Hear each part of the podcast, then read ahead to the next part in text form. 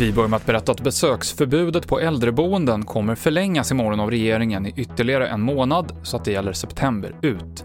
Samtidigt så kommer Folkhälsomyndigheten och Socialstyrelsen få i uppdrag att utreda vad som ska gälla därefter. Facebook har varit starkt bidragande i att sprida desinformation under coronapandemin enligt en rapport från aktivistnätverket Avaz. Olika nätverk som sprider felaktig information om hälsofrågor har haft 3,8 miljarder visningar på Facebook. Det handlar om konspirationsteorier om vaccin och artiklar om olika kurer utan vetenskapligt stöd. Och Avaz menar att Facebook inte gör tillräckligt för att förhindra att det här sprids. Lastbilstillverkaren Scania planerar att avsluta alla sina korttidspermitteringar i månadsskiftet, rapporterar Länstidningen Södertälje. Personalen som jobbar med produktionen har redan återvänt på heltid, men 10 000 tjänstemän är fortfarande permitterade i olika hög grad. Och den finländska statsministern Sanna Marins coronatest visade sig vara negativt och hon är alltså inte smittad.